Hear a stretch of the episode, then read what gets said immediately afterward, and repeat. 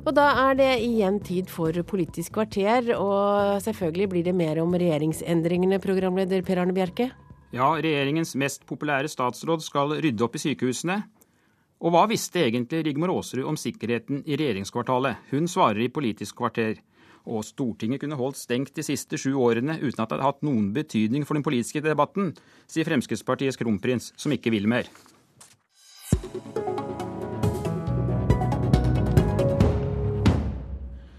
Ja, statsminister Jens Stoltenberg fornyer altså regjeringen og flytter landets mest populære statsråd Jonas Gahr Støre til Helsedepartementet.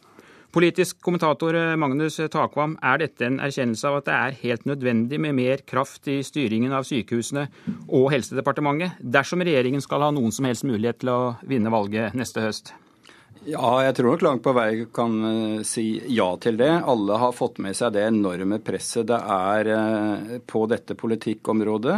Uh, og det kommer nok ikke til å gi seg før valget. Og vi husker kanskje før sist stortingsvalg, da var det også mye kjør på dette feltet. Da satte man inn Bjarne Håkon Hansen, som på en måte greide å vri vri debatten den gang, slik at eh, han varslet reformer og på en måte greide å plassere Arbeiderpartiet i en slags opposisjonsrolle istedenfor å være eh, den som hele tiden ble kritisert. Så ja, eh, man må nøytralisere og, og skal vi si, dempe den kritikken som, som er kommet nå for å, for å ha sjanse eh, neste år. Det tror jeg er riktig. Jonas Gahr Støre har jo vært utenriksminister i sju år, som vi vet, men han var også sentral i omorganiseringen av sykehusene da han var stabssjef ved statsministerens kontor i 2001.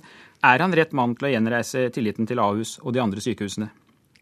Det vil jo vise seg. Det er jo man sier vel ofte at en helseminister eh, ikke så ofte greier å bli populær. Altså, dette er et felt der hvor folk forventer at tingene skal gå bra, slik at eh, det nesten bare er nedside som, som, som, eh, som er tilfellet for, eh, for, politikere på dette området. Men eh, jeg tror at Jonas Gahr Støre, i hvert fall er det slik at Stoltenberg mener det, er den eh, ene av de aktuelle som kan faktisk greie å vri dette, og også greie å kommunisere det Stoltenberg har prøvd å gjøre i det siste, nemlig at det faktisk er oppnådd gode resultater i, eh, i helse- og sykehuspolitikken i det siste. Det har man jo eh, overhodet ikke greid å kommunisere.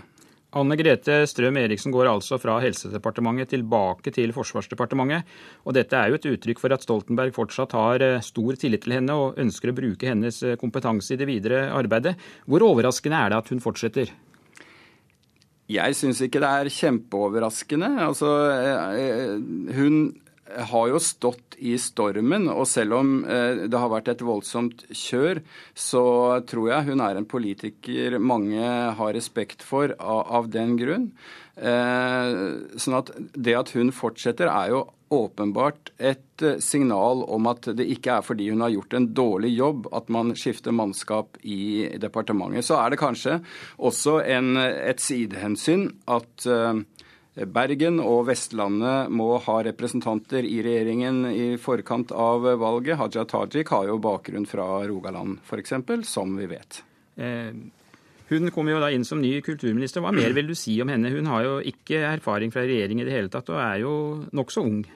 Hun har jo statssekretærerfaring, men hun er uh, ung, som du sier. Den yngste, visstnok, av uh, statsrådene, 29 år. Litt yngre enn det Sylvia Brustad og Sissel Rønbeck var, har man regnet seg fram til.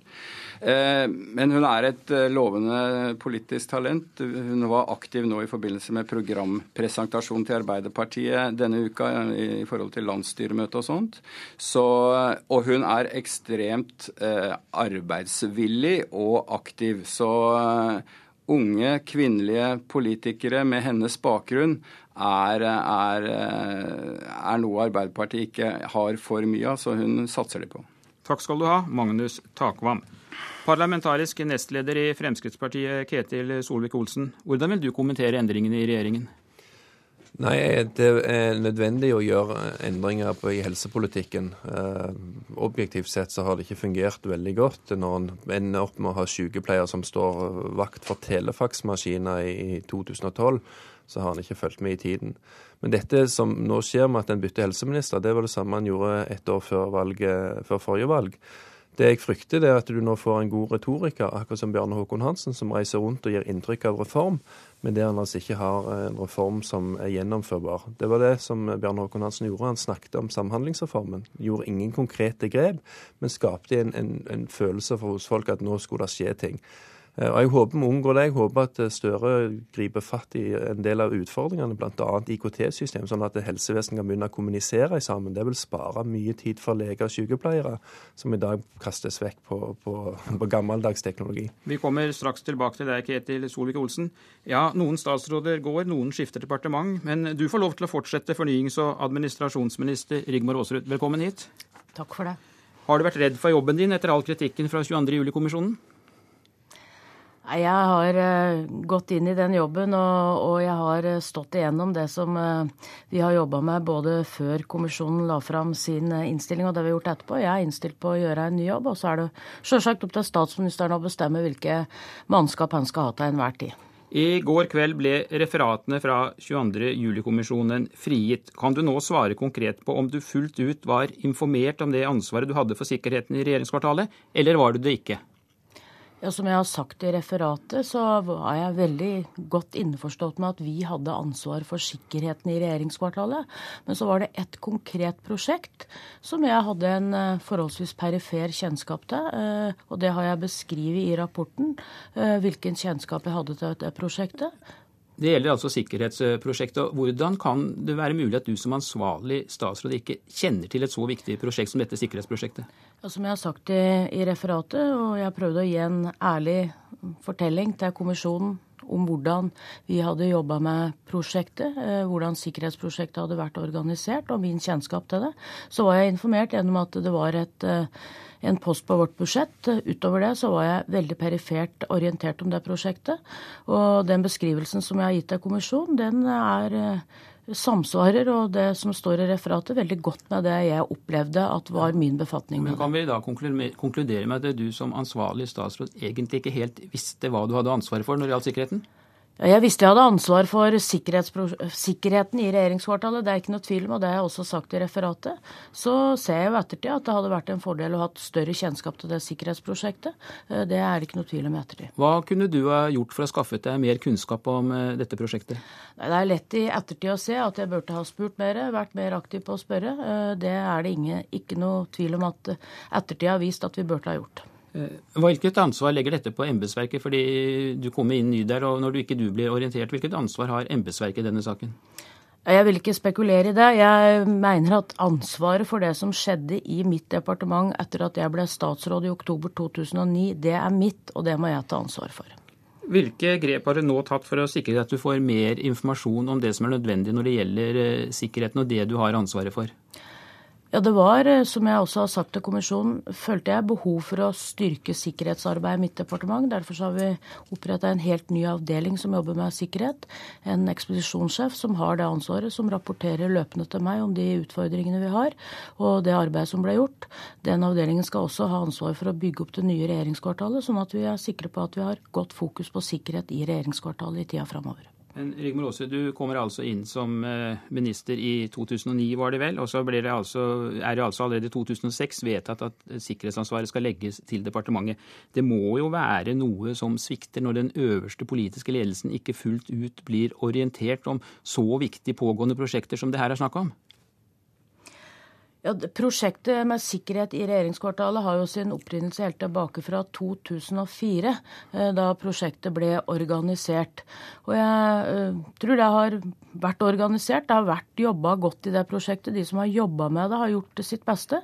Og så har man eh, og det tror jeg flere statsråder også har opplevd, at man ikke har hatt eh, rapporteringsrutiner eh, som har eh, rapportert om eventuelle avvik i prosjektet.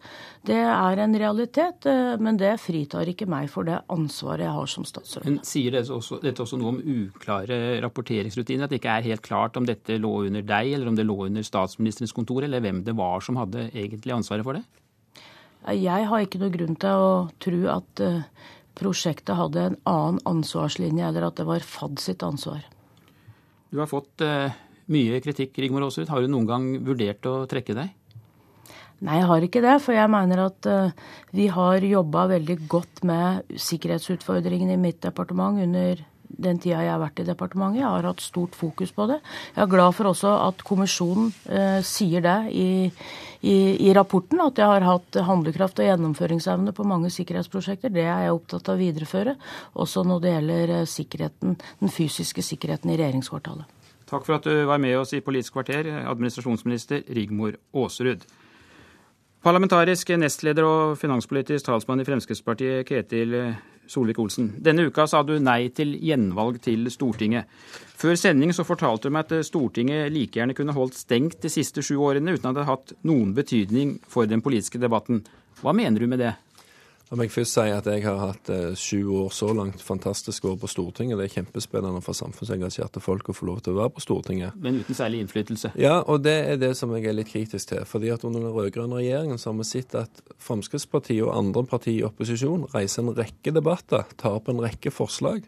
Samtlige blir mer eller mindre stemt ned uten at de rød-grønne partiene tar innspillene særlig på alvor. Så går det litt tid, så tar regjeringen opp eh, mange forslag både fra Frp, Høyre, KrF og Venstre, og gjør det til sin egen politikk. Men hvis du ser hva Stortinget faktisk har vedtatt, så vedtar en 99,99 ,99 det som regjeringen legger fram. Um, når du har et statsbudsjett på 1006 milliarder kroner, og finanskomiteen endrer på 30 millioner kroner, så sier det seg selv at Stortinget blir bare en nødvendig rundingsbøye for regjeringen, og ikke et organ for reell debatt. I går så sa stortingspresidenten her i Politisk kvarter at Stortinget er vår viktigste politiske arena. Du er åpenbart uenig med ham? Det er jo formelt sett den viktigste arenaen, for det er der beslutningene tas. Men når det gjelder å påvirke samfunnsdebatten, så er Stortinget ganske uinteressant for mange. Det er bare å se hvor lite journalister som følger med i de fleste debatter. De går for tomme galleri, de går for tom presselosje.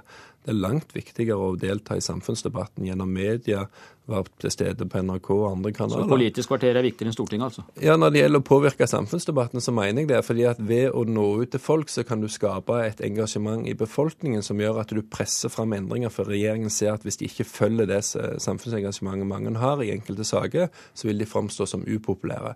De debattene, om du tar de opp på Stortinget, så blir de ofte bare kjast vekk. Og Det er jo noe som veldig mange har kommentert når det gjelder Stortingets spørretime. At du får jo ikke svar på noen av spørsmål. Du får bare en masse kommentarer tilbake fra statsråden om, om eh, hvor lite en har fulgt med, og hvor ufortreffelig denne regjeringen er. Du klandrer altså regjeringen for å være lite lydhøre, men er det så veldig rart at de rød-grønne partiene bruker det flertallet som velgerne har gitt dem? Det er ikke rart at de bruker flertall som velgerne har gitt dem, men det er likevel sånn at det er mange ting som regjeringen legger fram, som det kommer vektige innspill på under høringer på Stortinget i samfunnsdebatten, som godt kunne vært ytterligere forbedra eller endra. Eh, og regjeringen gjør det likevel ikke. Og Det viser jo bare at når de har gjort kompromissene sine i regjering, så har de ikke rom for at Stortinget kan ta den reelle debatten. Du har altså 169 personer som er veldig engasjert i å være med og diskutere politikk, og som ønsker å påvirke politikken, men som reelt sett ikke får noe spillerom. Og Det er jo bare å se på biodieselsaken, men det finnes mange andre eksempel der, der Stoltenberg åpenbart ikke engang hadde flertall internt i sin egen regjering, men allikevel fikk pressa flertallet på Stortinget til å vedta en politikk som det store deler av det norske folk og Stortinget var imot. Men Ketil Solvik-Olsen, nå har jo regjeringen åpnet for flere forlik med opposisjonen, i alle fall deler av opposisjonen. Klimaforliket, som dere riktignok ikke var med på, men dessuten har vi hatt et pensjonsforlik. og Viser ikke dette at regjeringen faktisk forsøker å lytte til Stortinget? Nei, du har et par saker der de har kommet til Stortinget, det er riktig. Men eh, jeg har vært med å forhandle klimaforliket, og der ble jo Frp skvisa ut. Ikke fordi at vi ikke kunne forhandle, men fordi det ikke passet SV å ha med oss med i en avtale. Men vi ser jo samtidig erfaringene med å forhandle med Arbeiderpartiet, det er at de har klare rom for eh, hva de kan være med å akseptere. Du får ikke et forlik som ikke har eh, Arbeiderpartipolitikken klart stempla i seg. Altså, du, får, du får ikke Arbeiderpartiet til å være med på politikk som de er imot, for å, med, for å få til et forlik som er bredt.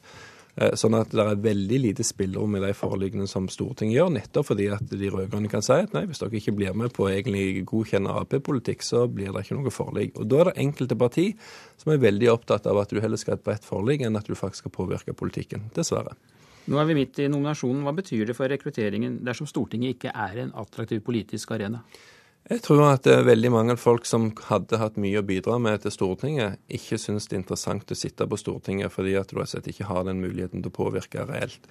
Jeg håper jo at en ny regjering behandler Stortinget på en annen måte, uansett hvilken farge det blir, for å sørge for at det er litt rom, eller mye større rom, for å faktisk påvirke beslutningene enn det de rød-grønne har tillatt. Takk for at du kom hit, Ketil Solvik-Olsen, avgående stortingsrepresentant. Og det var Politisk kvarter. Jeg heter Per Arne Bjerke.